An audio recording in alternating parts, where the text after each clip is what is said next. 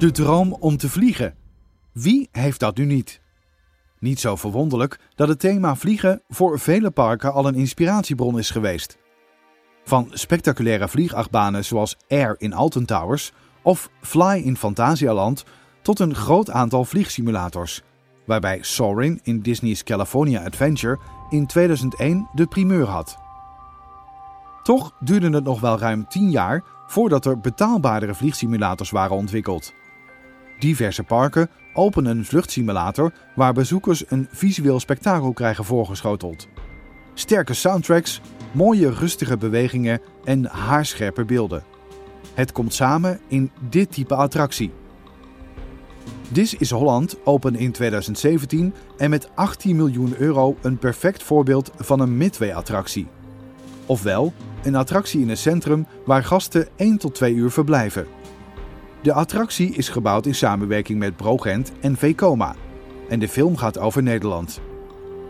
In 22 scènes van elk 30 seconden vlieg je over het Hollandse landschap. In Team Park Science duiken wij, of vliegen wij meer, over de wereld van deze attracties. Hoe werkt dit technisch? Hoe ontstaat een film? En hoe creëer je hier een soundtrack over? Met drie componenten leggen wij het succes van dit type attractie uit. René Merkelbach interviewde we al eerder over dit onderwerp en nu nemen wij de microfoon mee tijdens de opnames van onze special. Joost, we staan nu uh, in de voorshow, de tweede voorshow van This is Holland. Ja, klopt. Ja, dus uh, we bereiden hier uh, onze gasten voor ja, op veel, veel het hoogtepunt, de vlucht zelf. Kan je jezelf even voorstellen, wie ben jij voor de luisteraars? Ik ben Joost van Berkel en ik ben commercieel directeur bij This is Holland. Leg eens uit aan mensen die niet weten wat het is, wat is This is Holland? En This is Holland nemen we eigenlijk de bezoeker mee in een bijzondere vlucht over Nederland waar we ze Nederland laten beleven en ervaren op een echt op een hele unieke, bijzondere manier. En dat bouwen we eigenlijk heel langzaam op. Het is een beetje de balans tussen een stukje educatie en vermaak.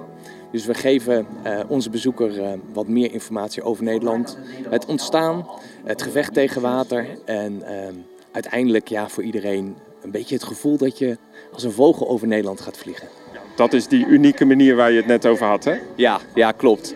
Ja, we, uh, het is heel moeilijk uit te leggen van wat ga je nou doen. Uh, iedereen heeft wel het gevoel als een beetje als uh, Tinkerbell, Peter Pan. het, iedereen kent ja, dat, dat sprookje. Nou, dat is een beetje wat wij eigenlijk terug willen laten komen. Dat je echt dat gevoel hebt dat je vliegt als een vogel over Nederland. Ja, want vliegen, dat, is, dat, dat willen we allemaal natuurlijk. En hier kan het. Ja, hier uh, heb je echt wel het gevoel dat je gaat vliegen. Hoe bereiken jullie dat? Hoe kan je hier vliegen? Nou, het is een combinatie tussen uh, de ride, dus uh, het apparaat, de iRide, die op zes dimensies kan bewegen. en daarnaast word je eigenlijk in een grote bol gehangen. Dus je zit op banken met tien personen naast elkaar. En dan word je eigenlijk naar voren geschoven. Een hele grote bol van ongeveer 20, uh, een diameter van 20 meter. En dan overal waar je kijkt, links, rechts, boven en beneden, dan zit je in de film. En vervolgens met special effects van wind, uh, waterspray, beweging, geur zelfs. Uh, en de beelden. En dan ook nog eens een keer de muziek. Ja, dan word je ondergedompeld in een gevoel dat je echt vliegt. Dat is een beleving van acht minuten. Ja, in totaal is het uh, uh, 9 minuten. Uh, dus 8 minuten 57 om precies te zijn. Dus 9 minuten. En daarmee is het ook de langste flight experience van Europa. Maar goed, 9 minuten, daar wil ik een kaartje voor kopen. Dat is dan misschien nog zelfs wat kort. Dus dat hebben jullie ook wel iets verlengd. Want het is niet alleen maar die vliegsimulator. Nee, klopt. als je zegt van ja, ik koop een kaartje voor um, een stand-alone attractie van 9 minuten. Ja, dat wordt een bepaalde drempel. Maar we willen naast dat het een enorme leuke belevenis is, willen we ook gewoon iets meer vertellen over Nederland zelf. Want Nederland is best wel een bijzonder land. Want als je dat vergelijkt met heel veel landen om ons heen, is Nederland als je 2000 jaar teruggaat zoveel veranderd. Uh, we hebben een hele nieuwe provincie erbij gekregen. Uh, we zijn, hebben zelf stukken land gecreëerd. Nou, dat verhaal en ook het gevecht tegen water. Want vandaag de dag, dat realiseren heel veel mensen zich niet, moeten we nog steeds tegen het water vechten. Want uh, als je bij de kust, ja, dat water beukt gewoon nog steeds tegen ons land op. Nou, en dat verhaal, het beschermen, um, het land creëren, um, het land maken. Nou, dat willen wij graag ook hier op een hele luchtige manier voor alle doelgroepen vertellen. vertellen jullie onder andere in twee echte voorshows. Maar er zit ook nog een hele pre-show bij met iPad, zag ik. En ook nog een soort aftershow of zo? Ja, klopt. eigenlijk vanaf dat je binnenkomt nemen we de bezoeker mee aan de hand. we zetten ze eerst op de foto. En dan zeggen we, ja, gaan we vast vliegen? Nou, dat is een beetje onwerkelijk. Nou, van, ja, hoe dan? Hoe ga ik dan vliegen? Nou, en dan met een greenscreen, dan heb je, zie je ook zelf dat je een beetje vliegt. Dan uh, vervolgens hebben we een wand waarmee je uh, met je telefoon uh, dingen verschijnen. En dan als je even moet wachten, testen we ook je kennis. Van hoeveel weet je over Nederland? Nou, dus we vinden een soort trivia, tien vragen en kijken van nou, hoeveel weet je al over Nederland? Dan ga je de eerste show in. En daar doen we een korte verhaal over het ontstaan van Nederland, het gevecht tegen water. En uh, vervolgens gaan we naar een tweede show. Waar staan we nu? Daar waar we nu staan, hebben we een hele grote landkaart. En daar projecteren we op. En daar nemen we eigenlijk een beetje de vluchtroute mee. Dus 22 locaties waar je overheen gaat vliegen. Een aantal highlights halen we eruit. Maar ook bijvoorbeeld uh, hoeveel tulpen exporteren we. Ja, voor Nederlanders wel bekend bijvoorbeeld. Waarom dragen al die gekke Nederlanders op Koningsdag oranje kleren. Nou, wij weten het, maar veel buitenlandse gasten weten dat niet. Nou, dat leggen we uh, gewoon even uit. En dan voor iedereen, ja, het hoogtepunt, de vlucht. En na de vlucht moet iedereen altijd zeggen wat er een beetje even bij komen. Nou, en daar leggen we dan in de laatste show, de Holland Lounge noemen we dat. Kan je zien hoe hebben we het gemaakt met de helikopter. Um, en leggen we een aantal uh, specifieke elementen, bijvoorbeeld uh, hoe we dijken bouwen, maar ook het, de werking van het Wouda-gemaal. En heb je de mogelijkheid op hele grote iPads alles meer te weten te komen over de 22 locaties die je net overheen bent gevlogen. Maar ik schrik een beetje. Jij zegt bijkomen. Is het zo heftig? Is dit dan voor 16 plus? Nee, nee, nee. Het is vanaf, uh, vanaf 4 jaar en je moet 1 meter zijn. Um, maar ja, het, het, is omdat je niet weet wat je gaat doen, uh, is iedereen groot, klein, stoer, uh, ja, is altijd een beetje gespannen voor wat gaan we doen? Nou, en uh, dus het is geen, uh, wat wij altijd zeggen, een achtbaan, een rollercoaster, dat je links-rechts wordt geschud. Het is meer een feel-good coaster. Maar ja, uh, we verrassen en er zit dus wel een storm in. Dus daar moet je wel even goed, eh, goed is deze attractie dan uh, voor toeristen? Want we zijn hier in Amsterdam. Is een midway-attractie zoals dat heet. Is, kun je het vergelijken met zo'n Madame Tussauds? Zo'n tourist trap? Of uh, hoe zou jij dan... Uh, voor wie is deze attractie? Nou, het is heel leuk dat je het vraagt. Want toen wij dit gingen bouwen en ontwikkelen... dan krijg je al gelijk het stempel van... Oh, nou, dat is een tourist trap. Is voor toeristen. Um, daar zullen alleen maar de, de, de Engelsen, de Amerikanen komen. Nou, we hebben dit bewust ook gebouwd voor de Nederlander. En we hebben ook onze eerste periode echt gewoon op de Nederlander gericht. En op dit moment is 70% van onze bezoeker komt ook uit Nederland. We hebben heel veel scholen, eh, omdat je de combinatie tussen het stukje educatie en vermaak heel erg leuk is. Daarnaast hebben we ook nog een stichting Dis Holland in de Klas, waar we een lesprogramma hebben uh, die we gratis aanbieden. Dus uh, ja, nee, het is niet echt alleen uh, bedacht voor de toerist. Het is juist uh, ook voor de Nederlander om zeg maar het bijzondere land wat we hebben. Ehm, ja, ik weet uit ervaring, en ik heb het heel vaak gevlogen hier, uh, dat iedereen die naast me zat nooit de 22 locaties direct kon opnoemen.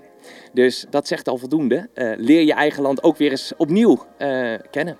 Dus niet weer die geëikte keukenhof? Nee, nee, we hebben wel tulpen erin.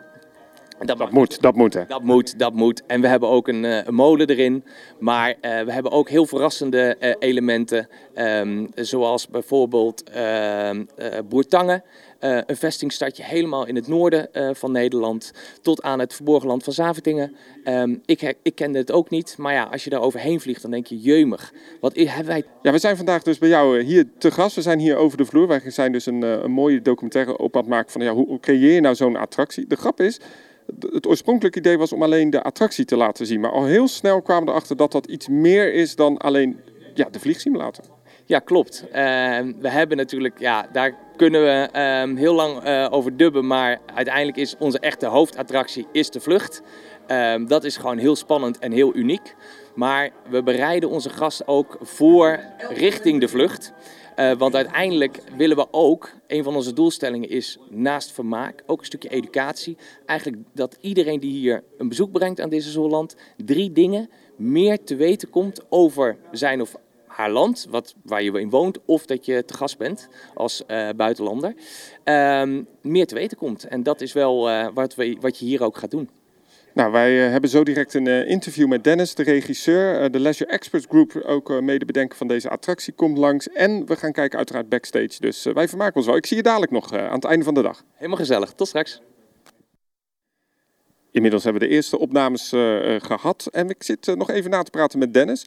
Dennis, jij bent pretparkregisseur, mag ik dat zo zeggen?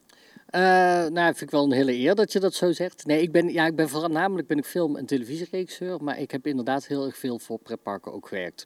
Welke pretparken dan? ik heb bijvoorbeeld voor de Efteling gewerkt en ook voor Walibi heb ik een aantal dingen gedaan. Dus ja. Dan willen we weten wat natuurlijk.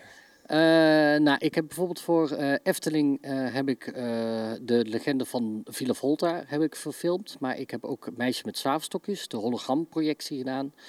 Sneeuwwitje, de toverspiegel in het Sprookjesbos. Ik heb het verhaal geschreven van Tafeltje Dekje ehm, van, de, van de herberg. En ik heb Vliegende Hollander aan meegewerkt en Pannendroom. Nou, dat zijn, best, dat zijn best wat projecten als ik het zo een van mijn favoriete sprookjes in Sprookjesbos is inderdaad het meisje met de zwavelstokjes. Daar zit zoveel emotie in. Ja, klopt. Ik ben zelf ook heel erg trots op Meisje met Zwavelstokjes. Uh, ik vind het een hele mooie attractie, ook door Michel de Nulk, die dat natuurlijk ontzettend mooi ontworpen heeft. En ja, dat was ook een hele fijne samenwerking met Michel om samen dat, dat sprookje te gaan verbeelden. Ik kan me heel goed voorstellen dat, uh, je praat nu over Michel den Dulk, maar je praat ook over andere ontwerpers voor, de, uh, voor This is Holland Leisure Experts Group. Die komen met zoveel ideeën. Is dat dan moeilijk als uh, regisseur om je creatieve vrijheid daarin wel te kunnen pakken? Uh, nou ja, nee, eigenlijk helemaal niet. Omdat ik denk dat een creatief proces is vooral een teamverband, is samenwerken, is elkaar inspireren en elkaar uh, ja, en, en, elkaar motiveren en te denken van dit wordt er nog vetter of nog mooier. En dat is eigenlijk ook het leuke. Als filmregisseur ben je heel erg al gewend om te werken met een compleet team. Dus je bent eigenlijk de motivator, de aanstuurder. En jouw visie moet je projecteren op je hele team. Maar je moet ook gebruik maken van je team. En ik denk nou juist, die hebben, of die hebben ook allemaal goede ideeën. En ik denk nou juist bij zo'n attractie, dat zo'n ontwerper dat je die kan helpen, maar dat, je, dat die ontwerper jou kan uitdagen om het ultieme product te realiseren. En dat was, bijvoorbeeld, dat was bijvoorbeeld met meisjes met zwavelstokjes. Ze wilden heel graag een hologram uh, voor, uh, voor gebruiken voor die attractie. En het was heel erg leuk dat ik daardoor ook de techniek van de hologram kon gaan verbeteren. Dus ik ben zelf heel erg gaan experimenteren van hoe kunnen wij die bestaande Pepper Ghost techniek nog beter verwezenlijken in een attractiepark. Uh, bij het meisje met de zwavelstok zie je bijna niet waar die op wordt geprojecteerd. Dat is heel knap gedaan, hè? Ja, klopt. En dat is ook het geheim van de smid. Daar hebben we ook heel erg mee zitten puzzelen. Hoe krijgen we het voor elkaar dat we, dat, dat hologram ook echt een soort diepte krijgt. En dat het ook echt geloofwaardig op die plek is. En dat is, uh, ja, dat, dat, dat is ook het leuke, vind ik, aan het werken voor attractieparken. Is dat je wat, nog wat meer mag spelen als bij een film. Wat mij heel moeilijk lijkt, is dat je het perspectief van bijvoorbeeld bij een normale film uh, of die je maakt of een televisieserie, dan weet je van oké, het camera dat is het perspectief van de mensen. Daar gaan ze het uiteindelijk ook zien. Dat is wat jij uiteindelijk uitzendt. Maar bij een pretparkattractie kunnen ze soms wel 360 graden eromheen lopen. Een meisje met de zwavelstokjes is volgens mij een raam van zo'n 10 meter breed. Um, hier bij This is Holland heb je verschillende verdiepingen. Hoe zorg je dan dat dat toch als regisseur, ja, dat je wel de essentie kan pakken en dat mensen niet worden afgeleid door alles wat ze ook nog zien? Nou ja, ik denk, ik denk dat eigenlijk het, het verschil of het, het leuke is van als filmregisseur voor pretparken en waarom dat ook zo goed werkt, is dat je als filmregisseur is het niet zo dat je met alleen met de camera dingen vertelt. Je vertelt vooral emotie en beleving. En um, of je dat doet met een camera in een bioscoop gewoon op een scherm of je doet dat in een attractiepark. Het geeft je alleen maar meer mogelijkheden. Maar de basis blijft gelijk, want je vertelt nog steeds een verhaal. Je maakt een verhaal en je vertelt emotie. Je probeert mensen mee te nemen in dat verhaal. Je probeert ze zich ermee te laten identificeren en, en de opbouw enzovoorts. Dat zijn ook allemaal tools waar je mee kan werken om dat verhaal en die emotie te gaan vertellen. En dat blijft een beetje gelijk of je dat voor een bioscoop doet of voor een attractiepark. Uh, alleen je, hebt, je moet een iets andere insteek hebben. Dus je hebt niet de camera om me mee te vertellen, want mensen kunnen zelf kiezen. Maar dat geeft ook weer extra dimensie. Omdat je zelf kiest, wordt het als regisseur nog belangrijker om die focus op bepaalde plekken te trekken. Word je als regisseur dan heel vroeg in zo'n uh, ontwerp meegenomen? Of is het van, oh help, we hebben nu een film nodig? Nee, je wordt, je wordt heel erg. Ik, ik zelf vind het heel fijn als ik heel vroeg in het ontwerp word meegenomen. Ook omdat ik wil weten wat de gedachte is van de attractie. Of van bijvoorbeeld deze Holland wilde ik heel erg meedenken over hoe je die beleving dan zo best mogelijk kan vertellen. Dus je hebt gewoon alleen element, je krijgt extra elementen erbij. Je krijgt beweging erbij, je krijgt water, lucht. En die, al die elementen gebruik ik als regisseur om een emotie op te wekken en om mensen mee te nemen in dat verhaal. Dus hoe vroeger je erbij bent, hoe meer je ook al kunt bijsturen op die hele beleving. Dus ja, misschien ook wel leuk om te vertellen, bij deze Holland heb ik ook heel erg mee. Mijn eerste insteek voor deze attractie was ook altijd dat ik de, uh, het uitrollen van de gondels, dus het uitrollen van de bank, mee wilde nemen in de film. Dat is nergens ter wereld zo. Overal waar deze attractie staat, word jij met de bank in de film geplaatst en start de film. En ik vind het belangrijk dat je langzaam het verhaal via de pre-shows meegenomen wordt. Dat je in de bank gaat zitten en dat, dan, dat vanaf dat moment start show is. Dus ik heb echt dat uitschuiven van de bank meegenomen in de hele beleving. We gaan nu luisteren naar wat outtakes van het interview dat we zojuist hebben opgenomen. Ehm, plus nog eigenlijk wat, wat dubbele dingen. Maar als je het hele verhaal wil zien van This is Holland, hebben we natuurlijk de video nu online staan. En die kun je vinden op themeparkscience.com. We staan nu naast eh, Dennis, regisseur van This is Holland. Ja, klopt, inderdaad. Ik ben eigenlijk creative director, dus ik heb eigenlijk uh, het hele concept uh, mee ontwikkeld. Dus het concept van de hele attractie is bedacht door iemand anders. En ze hebben mij gevraagd om eigenlijk de beleving van de hoofdshow uh, voor elkaar te krijgen. Dus het hele script te schrijven en hoe we de hele vliegervaring kunnen visualiseren en hoe we dat voor elkaar kunnen krijgen. En dat komt uh, via de Leisure Expert Group. Die hebben dus het concept uiteindelijk uh, geadopteerd. En ja. die hebben jou gevraagd ook om dan die show te doen. Hoe komen ze eigenlijk bij jou terecht? nou, ik ken de Leisure Expert Group. Ik ken John en Marjolein ken ik al heel lang, omdat ik ooit een keer voor Walibi uh, Eddie de Clown uh, mee heb, uh, mee heb Heel wat. Ja. gedaan. Dus ik heb een film gemaakt over Eddie the Movie. Ja. waarin we eigenlijk het karakter Eddie de Clown hebben neergezet voor Walibi om de Halloween Fright Nights aan te jagen. Ja, maar dat is misschien wel leuk om te vertellen. Dat jij natuurlijk ook wel binnen de pretparkbranche een aantal hele mooie projecten hebt gedaan. ja, klopt. Nee, ik heb eigenlijk vanaf de filmacademie, ik heb filmacademie gestudeerd. En uh, tijdens de filmacademie had ik op mijn, voor mijn eindexamenfilm een briljant plan, want ik dacht ik wil een sprookje verfilmen. Dus ik heb zelf stoute rode schoentjes aangetrokken, zei ik altijd. En ik heb de Efteling een brief geschreven of ik een sprookje mocht filmen. En dat vonden ze zo leuk dat ze eigenlijk mij toen gevraagd hebben om het verhaal van Villa Volta te verfilmen. En zo zijn we eigenlijk een, in contact gekomen met de Efteling en ben ik echt heel veel jaren gevraagd om mee te denken over attracties en om de video, de, de beleving van video daarin te verwerken. Ja, en dan praat je over attracties als de Vliegende Hollander, uh, yeah. diverse sprookjes als? Uh, ik heb Meisje met zwavelstokjes gedaan. Ik heb ook Een hele... van mijn favorieten. Ja, dankjewel, dankjewel. Ik heb ook de techniek van de, uh, de Pepper Ghost techniek die we daar gebruiken, de, het hologram. Heb ik zelf ook mee zitten ontwikkelen. Dus ik heb ook over nagedacht hoe kunnen we dat nog een stapje sterker kunnen krijgen. En Sneeuwwitje, de toverspiegel, is bijvoorbeeld voor mij. En Vliegende heb ik aan meegewerkt. Pannendroom heb ik uh, de, de pre-show voor gedaan. Dus ik heb inderdaad wel wat ervaring met uh, pretparken. Dan lijkt mij toch een simulator wel een, een heel ander iets. Want je moet natuurlijk wel hier een film creëren uiteindelijk die zo'n 8, 9 minuten uh, ja, wel die aandacht blijft houden, maar ook een bepaalde spanningsboog hebt. En dan krijg je ineens heel veel verschillende technieken. Je hebt een, een beweging van de simulator, je hebt de muziek. hoe combineer je dat uiteindelijk tot een script of een idee? Hoe ga je dat allemaal samenbrengen? Nou ja, ik, ik, wat, wat het leuke is en wat de kracht is volgens mij van mij als filmmaker. Want ik ben eigenlijk in, in eerste instantie ben ik filmmaker. Mm -hmm. En met filmmaken vertel je emotie. En wat zo leuk is aan werken ook voor uh, pretparken, voor amusementsdoeleinden, uh, is dat je eigenlijk nog meer handvaten krijgt. Dus een simulator is ook eigenlijk beleving. Je vertelt ja. een verhaal, maar tegelijkertijd probeer je ook die emotie erin te krijgen. Dus dat is eigenlijk het belangrijkste wat wij hebben gedaan. Hoe kun je dat vliegen nog mooier, grondiger krijgen? Hoe kun je daar nog meer een verhaal in verwerken? En je zegt dus verhaal en emotie. Wat is de emotie van This is Holland? Nou, de emotie van This is Holland, wat het mooie is van deze flight simulators, is dat je echt het gevoel hebt dat je vliegt. Dat je een vogel bent, dat je eigenlijk een soort Peter Pan bent en dat je, ja, dat je eigenlijk echt de ervaring hebt van vliegen. Alleen uh, ja, de grootste uitdaging bijvoorbeeld ook bij This is Holland. Uh, want in Amerika heb je al een aantal van dit soort flight simulators die ik ook heel goed ken. Maar daar heb je het voordeel van Amerika of van andere landen is dat je er heel veel hoogteverschillen hebt. En wat de grootste uitdaging bijvoorbeeld was voor This is Holland, is Nederland is zo plat als, ja. zo plat als iets. Dus je wil toch, om dat vlieggevoel te hebben en die verrassing en die verwachting, je speelt met de verwachting van de kijker. En als je bijvoorbeeld in Amerika, je hebt grote bergen en je vliegt een berg op en in één keer zie je daar die afgrond. Dat is een hele lekkere beleving, want dan heb je echt het gevoel van die luchtzak. En dat was de grootste eigenlijk uitdaging bij dit Holland. Hoe kunnen we datzelfde effect krijgen, maar dan met een heel erg plat Nederland. hoe heb je dat dan uiteindelijk bereikt? Ik heb de film namelijk een keer gedaan en ik had wel echt wel dat vlieggevoel en ook die dieptewerking. Hoe hebben jullie dat dan hier uh, gedaan?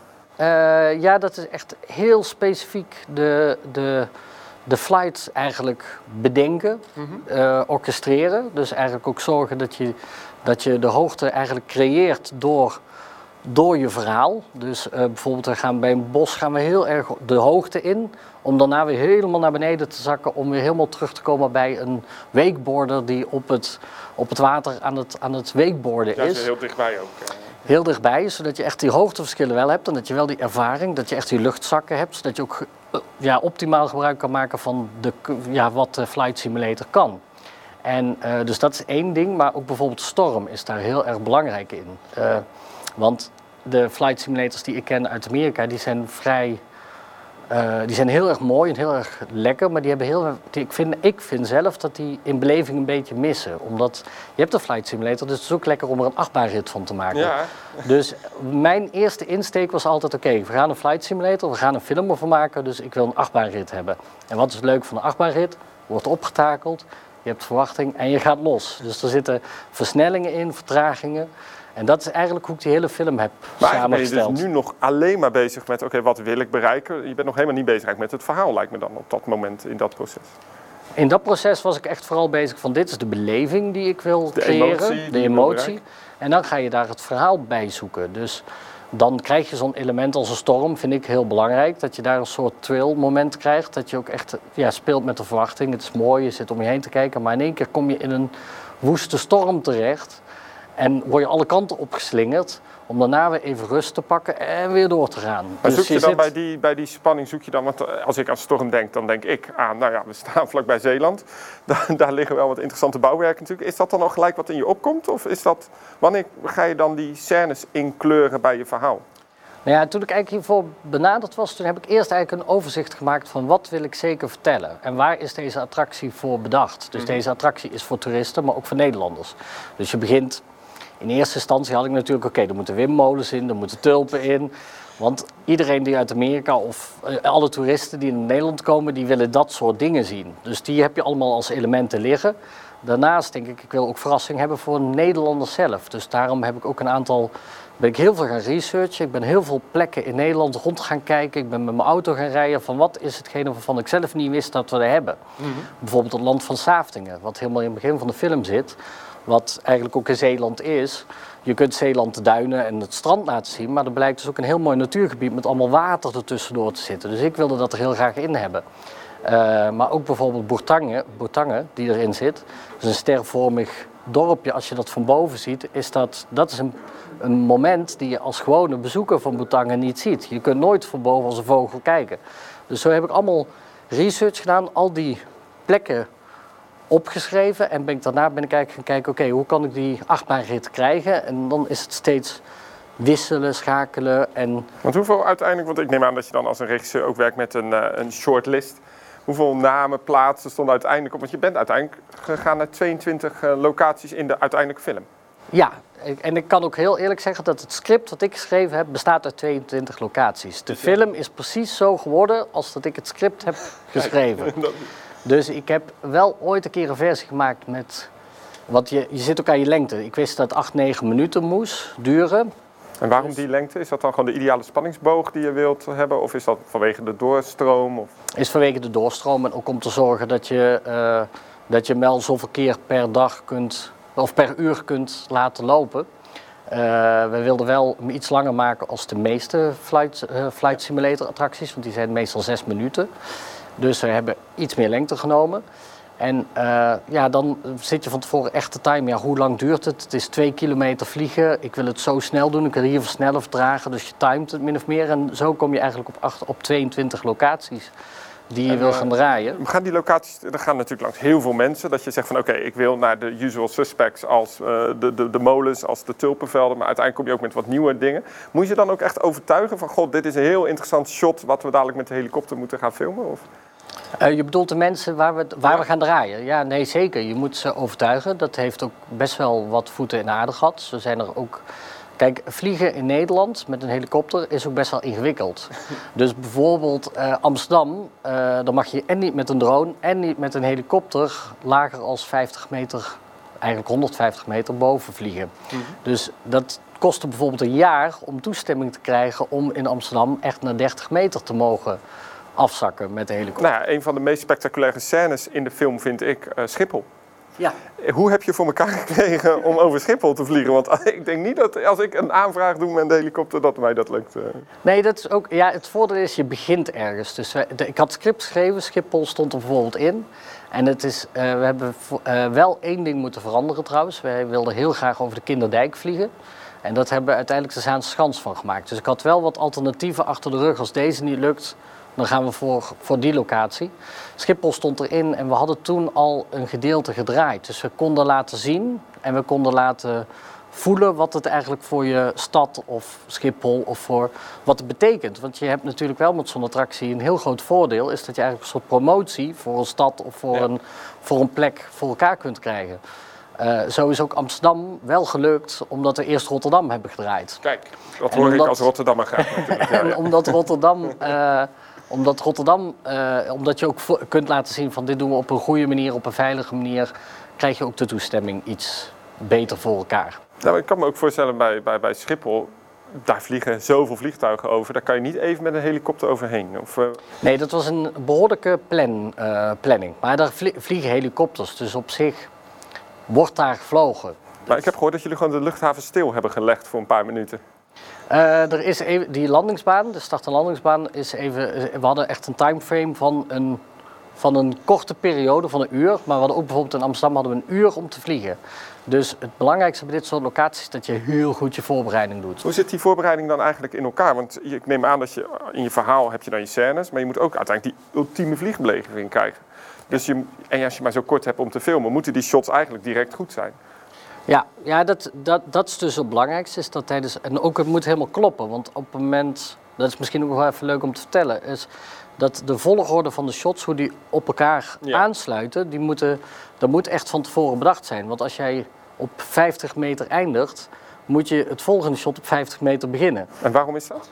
Omdat anders je in één keer voor je gevoel heel hoog bent en in één keer heel laag bij de grond. Dat, dat matcht niet. Het is één grote vliegbeweging. Als je een bocht naar rechts maakt, moet het shot daarna ook beginnen met een bocht naar rechts. Wil je die overgang heel smooth kunnen laten lopen. Maar eigenlijk zat dus dat al in jouw hoofd, in de, in de planning, in het draaiboek. Van goh, uh, om maar gewoon de, wederom weer naar Schiphol te praten. Daar hebben we een shot nodig waar we rechts op 50 meter bij wijze van... Ja. Uh, ik, wist, ik wist dat we daarvoor eindigden bij het, uh, bij de, het stoomgemaal. En daar heb je, na het stoomgemaal heb je zo'n hele lange rechte uh, kanaal. En ik wilde dus heel graag ook over dat kanaal vliegen. En dat rechte kanaal precies hetzelfde hebben als de landingsbaan van Schiphol.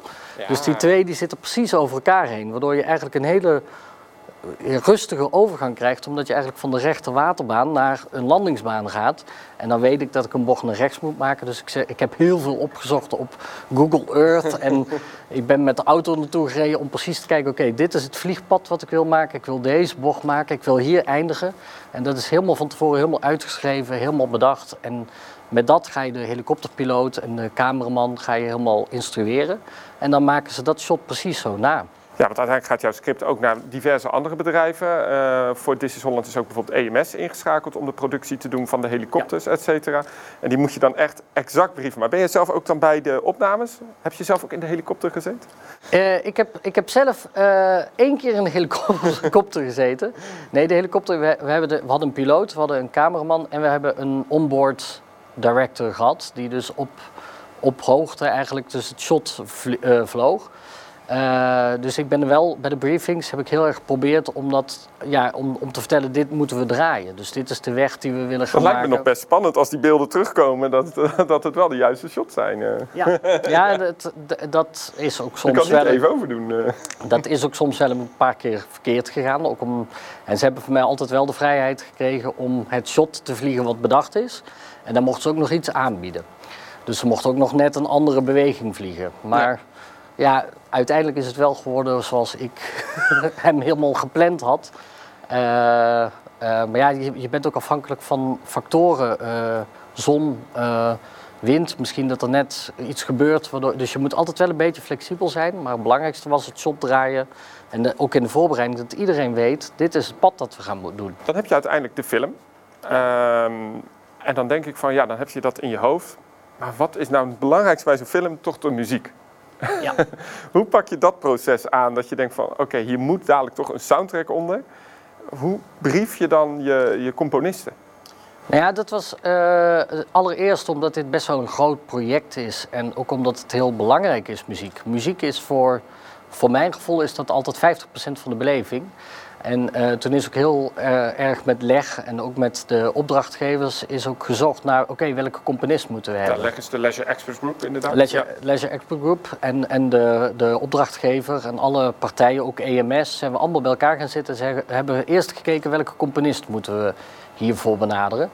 Uh, en toen hebben we eigenlijk een pitch uitgeschreven met vier componisten. Dus iedereen droeg een aantal componisten aan. Ik kwam met René Merkelbach, omdat ik die heel erg sterk vind Vanuit de Efteling kende ik die. Ook met het project al samengewerkt. Dus je wist ook, ook wat zijn uh, signature is eigenlijk. Ja, en ik weet dat hij heel goed is in, in beleving.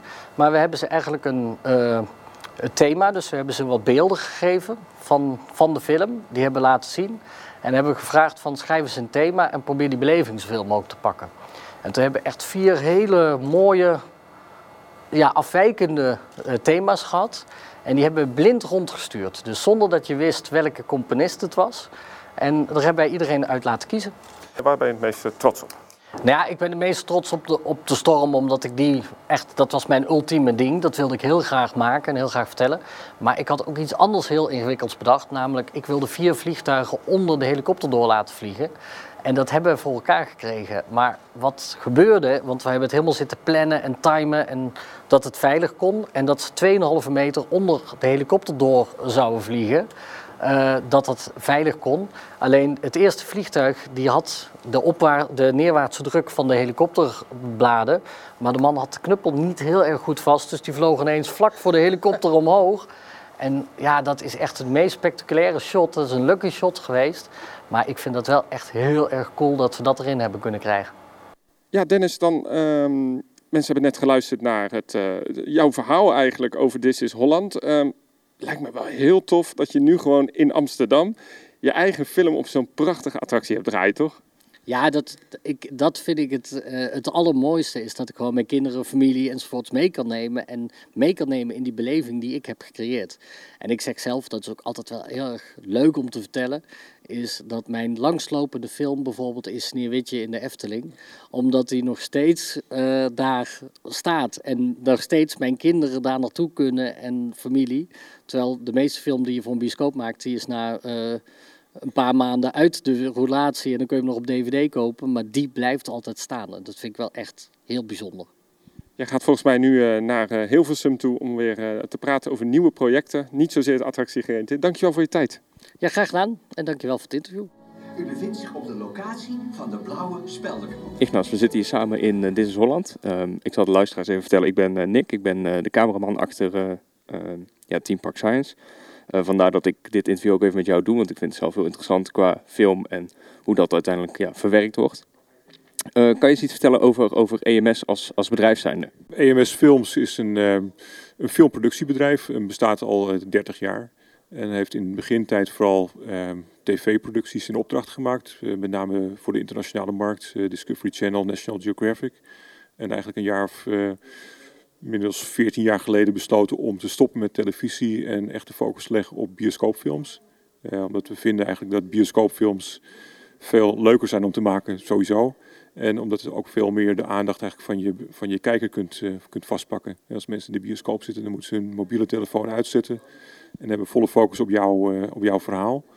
Um, en dat hebben we eigenlijk, eigenlijk zijn we mee begonnen in 2007 met uh, een film Buddha's Lost Children. Maar de laatste tien jaar hebben we ons vooral gefocust eigenlijk op natuurfilms. En dan met name over de Nederlandse natuur. Omdat we vinden dat natuur van dichtbij zeg maar, mensen emotioneel raakt. en, en dat er waanzinnig mooie natuur in Nederland is, maar dat er eigenlijk te weinig aandacht voor is. En de eerste film die we daarin hebben geproduceerd is De Nieuwe Wildernis.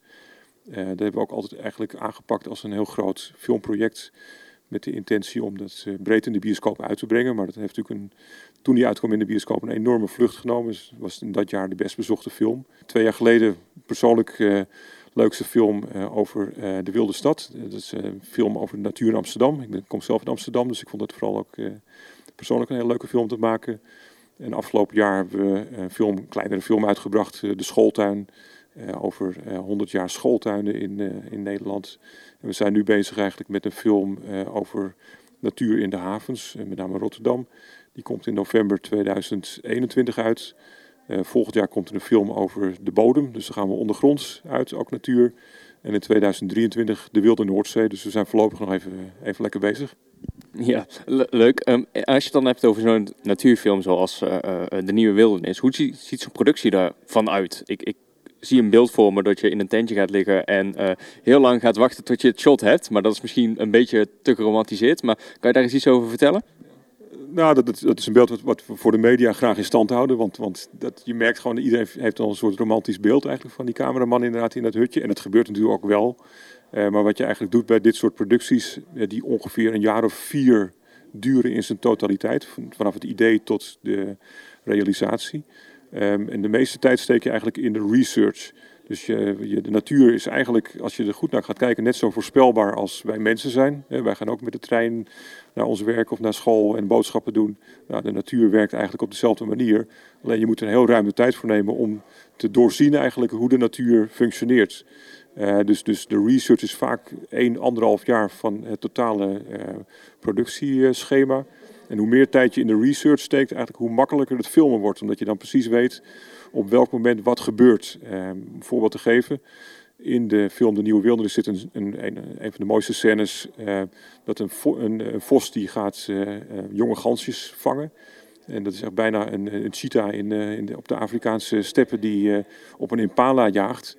En, en, dat is eigenlijk iets wat we in de research al hadden gezien. En dat was altijd dezelfde vos die op hetzelfde moment, hetzelfde jaar getijden op jacht ging eigenlijk naar gansjes. En dan ving hij er in één keer een stuk of twintig en die begroef hij dan. En dan was hij er weer vandoor. Dan kwam hij ze later opgraven als hij jonger had.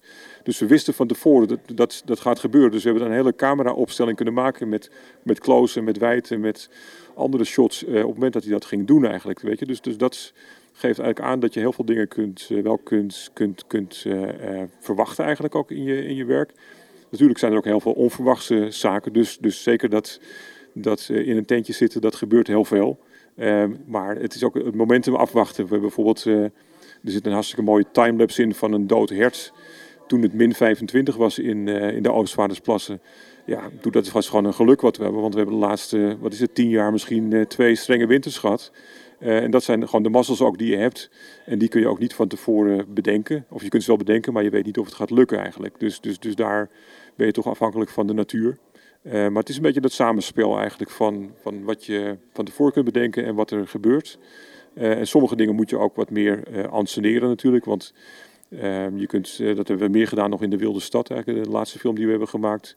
bijvoorbeeld gegeven, we hebben een, een scène gedraaid met rivierkreeften die uit het water komen en, en bij het Amstel Hotel weer het water induiken ja, dan kun je gaan zitten wachten tot daar een rivierkreeft langskomt. Maar je kunt ook aan de stadsecoloog vragen die het project begeleidt van kun jij een emmertje rivierkreeften meenemen. Dus het is ook een beetje het spel tussen, tussen wat, wat, wat, wat je kunt afdwingen en wat je kunt verwachten. Uh, uitgangspunt is wel altijd bij natuurfilms die we maken. Van, van enerzijds moet je het met respect voor de dieren maken. Hè, dus dat is natuurlijk iets. En, het, en je filmt eigenlijk natuurlijk gedrag. Dus je gaat niet dieren een kunstje laten doen. Ja, exact. En, en als je dan kijkt naar zo'n natuurfilm uh, uh, die jullie gemaakt hebben, hoe ziet zo'n team eruit waar je mee werkt dan? Uh, ben je dan met een grote crew of, of, of, is het juist heel klein? Of? Ja, als je, als je het hele project overziet, dan werk je gemiddeld met zo'n 25 mensen. Ehm, en dat gaat dus van, van, van de regisseur, scriptschrijver naar natuurlijk een, een, een camerateam. En, en anders dan bij een speelfilm heb je vaak specialisten. Je hebt specialisten op het gebied van macro, van, uh, van aerials, van onderwater, lange lenzen. Dus zo bouw je dat eigenlijk op. En, en wat wij merkten eigenlijk toen we begonnen met de Nieuwe Wilder is dat er in Nederland, er was niet echt een cultuur op het gebied van natuurfilmen. Dus we hebben ook een paar goede natuurfotografen zelf opgeleid. regisseur Mark Verkerk heeft dat met name gedaan vanuit zijn ervaring. En we hebben wat jonge jongens uit Engeland gehaald die door de BBC waren getraind eigenlijk. Dus die hadden een goede opleiding genoten eigenlijk. Maar die hadden nog niet zelf een assignment gehad. En die waren nog betaalbaar voor ons eh, op dat moment. Dus, dus we hebben een beetje een mix gemaakt van een team. Maar dat is dus heel, divers en, en vrij groot. En in de postproductie, je moet je voorstellen, normaal gesproken bij een speelfilm is de postproductie 1, 2 maanden. Ja, bij ons is die bijna 8 maanden. En dan werk je toch met een team van drie man op die enerzijds... Uh, de ruwe assemblees maken, naar de ruwe edits, naar het fine-tunen. Dus dat zijn allemaal stappen eigenlijk in een proces die anders dan bij een speelfilm veel meer tijd kost. Omdat je natuurlijk ja, je draait 400, 500 uur beeldmateriaal voor zo'n film. Dus je moet heel veel keuzes maken. En ik denk dat een van de grootste uitdagingen bij natuurfilm is ook, ook uiteindelijk het, het data management. Zeg maar. Hoe ga je om met datgene wat je draait? Want er komt heel veel komt er uit het veld. En als je dat eh, opstapelt in een server en je zegt, nou daar komen we nog wel een keer aan toe dan ben je eigenlijk verloren. Want je moet eigenlijk heel dicht achter de opnames al gaan metadateren. Uh, de beste shots gaan, gaan raten. Uh, je moet allerlei informatie uh, toevoegen. Je moet ook kleine edits maken. Dus, dus dat is eigenlijk het grootste, grootste proces eigenlijk in zo'n natuurfilmproductie. en vervolgens krijg je natuurlijk ook je afwerking. Dus je krijgt natuurlijk je, je voice-over, je audio... Uh, audio is natuurlijk gigantisch gelaagd met, met de natuurgeluiden, met, met, met de muziek, alles wat er bij komt kijken. Dus het is stap voor stap eigenlijk een kernteam van 25 man die daar aan werken. En dat is best wel behoorlijk groot eigenlijk. En het zijn ook, ook best wel dure producties, omdat je natuurlijk over meerdere jaren eigenlijk bezig bent. Um, wat het ook een uitdaging maakt natuurlijk ook aan de financiële kant. Uh, want je ziet in Nederland eigenlijk dat de meeste films die worden gemaakt eigenlijk met subsidie van het Filmfonds. Uh, ongeveer, ik denk 95% van alle films. Alleen wat met films soms eigenlijk zegt, wij, wij investeren in, in, speelfilms. Dus dat zijn de romantische comedies die iedereen kent. En we financieren eigenlijk arthouse documentaires. En jullie zijn eigenlijk mainstream documentaires. En daar hebben we geen budget voor. Dus wij zijn eigenlijk gewend om ook het budget voor dit soort producties ook gewoon uit de markt te halen. Dus private investors, we investeren er zelf geld in. Veelal sponsoren, uh, kleine subsidies van, van, van lokale overheden. Uh, crowdfunding doen we. Dus, dus, dus, ook dat is een heel, eigenlijk een heel creatief proces om te zorgen dat je film ook gefinancierd wordt uh, in, in de beginfase. Ja, we zijn hier nu bij This is Holland, waar jullie de film voor geproduceerd hebben. Um, voordat je aan dit project begon, had je überhaupt al eens een flight simulator gedaan? Of was je bekend met het begrip flight simulator, dat soort films? Nee, helemaal niet. Ehm, en, en, en, het bestond ook eigenlijk nog helemaal niet in Nederland. En eigenlijk nog, nog niet in Europa zelfs uh, toen wij begonnen. Uh, er waren in, in de Verenigde Staten en Canada waren wel een paar voorbeelden en in Taiwan. Uh, maar die wilden eigenlijk niet dat wij een kijkje achter de schermen kwamen nemen, omdat ze het als concurrentie beschouwden. Dus we zijn eigenlijk maar op nul begonnen met het idee van oké, hoe wordt zo'n film gemaakt? dus dat is natuurlijk enerzijds een technische uitdaging, van, van met wat soort apparatuur ga je het filmen. niet alleen de cameratechniek, maar ook gewoon de, de, ja, hoe ga je de lucht in? Uh, kan het met een drone? Uh, moet je met een helikopter? Uh, hoe gaat het met de stabilisatie? Allemaal dat soort aspecten spelen daarbij een rol. Het gaat natuurlijk over, over vergunningen. wat mag wel, wat mag niet? En, en in hoeverre kun je de regels die er zijn ook een beetje stretchen... om, om toch dingen te filmen die misschien net onder de normen zitten die mogelijk zijn. En het is natuurlijk verhaaltechnisch een uitdaging. Van, want je wil in 12 minuten, zo lang is, die, is de flight... wil je natuurlijk een heel heel ja, compleet verhaal eigenlijk over, over Nederland uh, vertellen. Dus het is, ook heel erg kill your darlings natuurlijk. Want er zijn best wel een hele lijst van, van uh, locaties die gewoon zijn afgevallen eigenlijk. Um, en, en dat was inhoudelijk jammer. Uh, maar anderzijds ook, ook technisch jammer, omdat je soms wel op een locatie was waar je zegt, daar kun je hele mooie dingen doen die straks in de, in de, in de, in de flight experience juist tot, helemaal tot hun recht komen. Uh, dus dat was, was voor ons een enorme uitdaging om te gaan doen. Uh, en we zijn er eigenlijk om nul begonnen en stap voor stap eigenlijk dat zo ontwikkeld. We hebben bijvoorbeeld de eerste opnames met de, met de shot over en de, en, en, en de, de, de speciale lens die erop zit. Zo'n zo'n fisheye lens die die 180 graden projectie kan doen.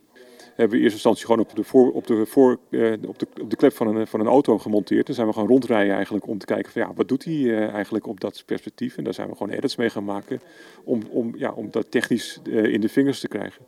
En wat ook bijzonder was, is dat je moet het ook ergens kunnen projecteren. Want, want je kunt wel 180 graden opnames maken, maar als je het nergens kunt projecteren, zie je ook nooit eigenlijk wat het resultaat is. Dus we hebben toen bedacht van, nou ja, het enige wat we kunnen doen is eigenlijk zelf zo'n doom gaan bouwen. Want dit gebouw, is Holland, was natuurlijk nog helemaal in aanbouw. Dus hier konden we niet terecht.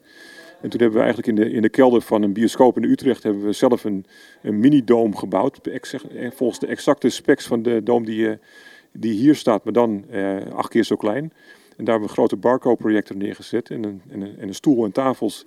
En daar zijn we die shots gaan bekijken. En zo kreeg je eigenlijk al, zonder dat je die beweging had, kreeg je al het gevoel van hoe je eigenlijk uh, met die vlucht meeging. En dat was voor ons wel een doorbraak, omdat je dan ook dat gevoel van, van die projectie eigenlijk veel beter uh, al, uh, al in de smiezen kreeg eigenlijk. En dat je ook in je scripting daar rekening mee kon gaan houden. Dus het is echt een stap voor stap learning curve geweest voor ons eigenlijk. Van een beetje vallen en opstaan om tot uiteindelijk het strip te komen. En natuurlijk de uitvoering.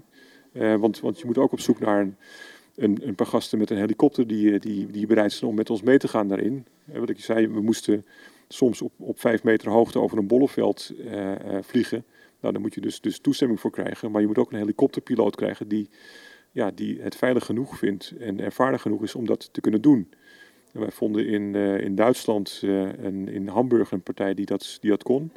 En die had een bijzondere constructie eigenlijk, waarbij ze met een, een busje rondreden met erachter een trailer. En op die trailer stond de helikopter.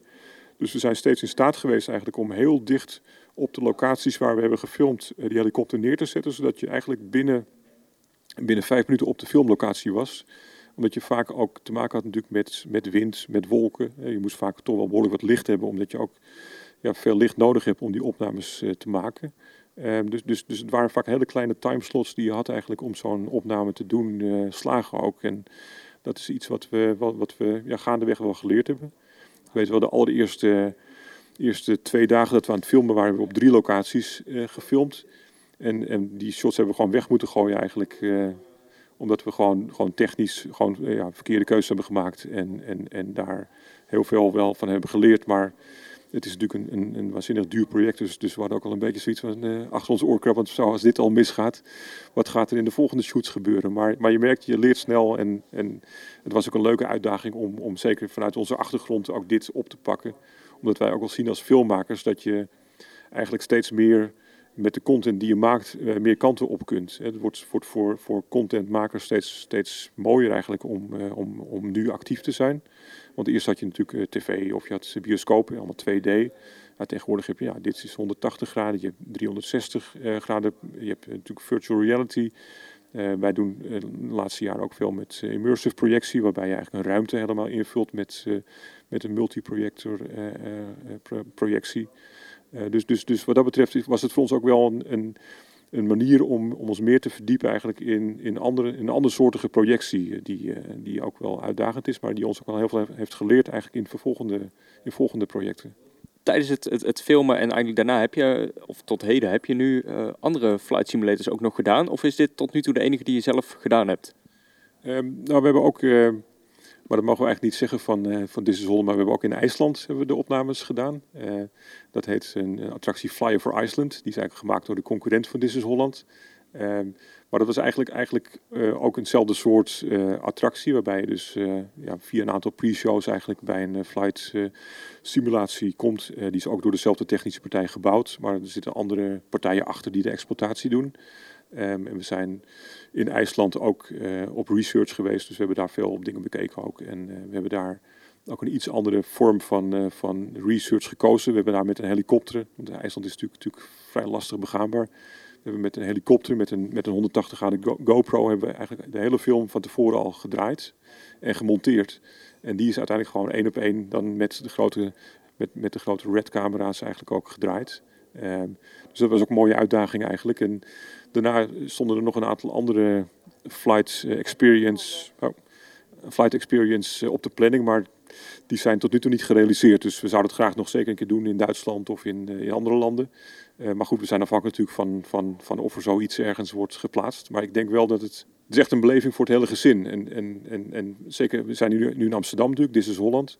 En je merkt gewoon dat het iets is wat ook toegevoegde waarde heeft in het aanbod eigenlijk wat er is. Je kunt naar het Van Gogh Museum of het Rijksmuseum, maar dit is echt iets wat ja, ook voor jonge mensen een leuk, een leuk uitje is eigenlijk om, om te doen. En daar vinden we het ook, ook leuk van, van hoe kun je dus met beeld met beweging, met geluid, met, met andere, met andere uh, dimensies eigenlijk een soort verhaal vertellen waar mensen, dat mensen met elkaar uh, op die stoeltjes kunnen beleven. En de afloop daar volgens mij nog heel veel, veel uh, lang over doorpraten ook. Dus dat was voor ons heel mooi. Ik kan me voorstellen dat als je zo'n film aan het draaien bent, er technisch ook heel veel aspecten bij komen kijken. denk bijvoorbeeld aan resolutie, maar ook aan lichtinval op bepaalde plekken of zo. ik hoor je vertellen dat je op een redkamer hebt gedraaid. Um, ik neem aan dan ook in RAW. Eh, is er dan ook iets qua color grading waar je nog heel veel aan moest passen? Of, of? Ja, eigenlijk doe je, je draait inderdaad uh, in, RAW om, om juist eigenlijk in, je, in de postproductie heel veel ruimte te hebben eigenlijk om die kleuren aan te passen. En, en we hebben hier uh, in de kleurcorrectie uh, hebben we ook onze, onze kleurcorrector op een hoogwerker eigenlijk in de doom gezet met zijn, met, met zijn kleurcorrectie toolset om dat aan te passen. En, en wat je merkt eigenlijk als je een 180 graden opname maakt, dat je, eh, je moet sowieso artefacten weg, eh, wegpoetsen, waardoor je eh, natuurlijk het, beeld aantast. Maar je moet ook heel veel kleur inbrengen eigenlijk, omdat je natuurlijk vrij, vrij plat draait eigenlijk. Het is, het is, natuurlijk redelijk, redelijk een egaal, egaal beeld. Dus je moet op, op elementen eigenlijk op stukjes mappen en, en, en bepaalde kleur naar voren halen omdat je ook merkt dat anders dan bij een uh, eh, 2D-film, in zo'n flight experience wil je ook een soort focus of attention creëren. Eigenlijk, dat mensen naar een bepaald beeld eigenlijk uh, gaan kijken, waardoor je ook die transities in de, in de film van de ene naar de andere scène ook gestuurd kunt maken. dus als jij bijvoorbeeld, uh, ik noem maar iets, de, over het Woudergemaal vliegt, je hebt en daarachter ligt een kanaal, je gaat in een rechte lijn eigenlijk zo'n kanaal af dat je dan eigenlijk een hele mooie smooth transitie kunt krijgen naar de landingsbaan op Schiphol, waar dan net een Boeing opstijgt. En dat is bijna een, een, een, natuurlijke overgang die je creëert. Dus, dus, dus je probeert ook in je kleurcorrectie juist ook dat soort elementen eigenlijk een beetje naar voren te halen, zodat mensen ook daarnaar kijken en niet ergens op een puntje gaan kijken aan, aan de zijkant van het scherm of aan de andere kant. Dus dat is absoluut in de kleurcorrectie wel een, een element wat je hebt eigenlijk om, om, om ja, het beeld nog veel meer te versterken. Ja, helder. Eh, eh, met, met de kennis van nu die je hebt en je zou het project nu weer mogen doen, wat, wat zou je anders doen als we kijken naar het aspect van de film? Ja, ik, ik denk dat, dat, dat, het, dat we inhoudelijk niet zoveel anders zouden doen. Ik denk dat we best wel het, het, de, de kern van Nederland hebben geraakt natuurlijk met de elementen. Het zijn natuurlijk een aantal clichés natuurlijk met de bollevelden en de windmolens en het schaatsen. Maar daarnaast ook best wel een aantal verrassende natuurgebieden en, en, en, en, en perspectieven die we hebben ingebracht. Dus, dus in dat aspect zou ik niet zoveel veranderen. Maar het is met name eigenlijk de, de onderliggende techniek die, die je gebruikt. Uh, toen wij begonnen in 2015 was de, we hebben natuurlijk de state-of-the-art techniek gebruikt en, en, en ook de resolutie. Uh, we hebben een 6K uh, red camera gefilmd. Maar inmiddels heb je natuurlijk, natuurlijk ja, je kunt met 12K en misschien al meer draaien. Dus, dus dat betekent dat je enorm veel winst boekt eigenlijk aan die kant natuurlijk van het verhaal. En, en we hebben ook zeker, uh, ik vertelde net over Fly Over Iceland, ook gekeken naar multi, uh, multi-projector opname. Dus dat je met, met uh, of multicamera opname. Dus dat je in de, in de shot over eigenlijk met drie, um, met, met drie camera's werkt en met drie lenzen. Die je dan later eigenlijk in elkaar laat vloeien. Zodat je nog meer aan resolutie en mogelijkheden wint eigenlijk. Dus ik denk aan die kant dat we heel veel zouden kunnen, kunnen in deze zeg maar, fase zes jaar na, na de eerste opnames, dat we daar uh, gigantisch veel winst zouden kunnen boeken in de mogelijkheden die je met het materiaal zou kunnen hebben. En het tweede is, is eigenlijk ook in de Doom zelf. Uh, er staat een, een, hier in, deze, in Amsterdam staat één projector met een speciale aangepaste lenzen die ook die fisheye heeft natuurlijk. Uh, ik denk dat daar met de, in de projectie nog heel veel winst valt te boeken eigenlijk ook. Omdat je merkt dat de, de hele, hele flight experience is natuurlijk gebouwd in een, in een stalen constructie. En, en daar staat natuurlijk een enorme spanning op als dat ding gaat vliegen. Want je schuift naar voren en je gaat met hoeveel, 80 man, 40 man tegelijk de, de, rondvliegen. En dat betekent eigenlijk dat die projector staat in dezelfde staalconstructie. En hoe je het ook went of keert, die, die projector die is, die, die, die is in beweging, zeg maar. En hij beweegt geen centimeters, maar millimeters. Dat betekent dus dat je eigenlijk die, die, die projector iedere dag moet kalibreren om hem weer helemaal goed te krijgen op het, op de resolutie en de scherpte eigenlijk die, die je nodig hebt om hem, om hem goed neer te zetten. En het zou veel beter zijn eigenlijk om die projector los eigenlijk in de ruimte hangen, helemaal gestabiliseerd en in, in, in, vanaf het dak, denk ik, met een constructie. En nog beter zou dat je met, met, met, met drie projectoren zou werken of met twee, zodat je dat een soort overlay kunt creëren, eigenlijk, waarbij je veel meer ja, kunt winnen aan scherpte eigenlijk in, de, in de film. Ik denk dat daar technisch wel een enorme verbeterslag uh, valt, valt te halen. En dan zit onze opnamedag er bij This is Holland op. Een lange dag, maar wel heel erg interessant, want zoveel partijen zijn altijd bezig met zo'n project als dit. Je denkt van, we filmen iets backstage en uiteindelijk praat je met productiemaatschappijen, regisseurs en natuurlijk die technische blik achter de schermen. Nou, wil je nou alle beelden van This is Holland zien, dan kun je dus nu gaan naar ons YouTube-kanaal. Daar staat de documentaire over This is Holland nu online. En uiteraard wil je meer informatie over This is Holland, ga naar hun website Ga naar hun uh, Facebookpagina, like ze, geef ze een review op een van de vele uh, travel sites. En vind je het nou helemaal leuk om ons te supporteren? Dat kan ook. Hè? Je kunt namelijk VIP of supporter worden van Theme Park Science. Dan krijg je wat exclusieve ja, voordeeltjes. Wil je daar nou meer over weten? Ga dan via de homepage, dus via een webbrowser, naar YouTube. Klik op lid worden. En ja, become a member, zeggen we dan. Ga dan ook direct naar onze Instagram page. Like het. Ook daar komen exclusieve backstage foto's van deze dag online. En wil je dan helemaal goed doen? Check dan ook onze webshop. Vanuit This is Holland, Amsterdam. Tot de volgende. Dit was de Team Park Science podcast. Ga naar teamparkscience.com voor de documentaires op YouTube. Volg ons op Instagram en abonneer je op deze podcast via jouw favoriete podcast app.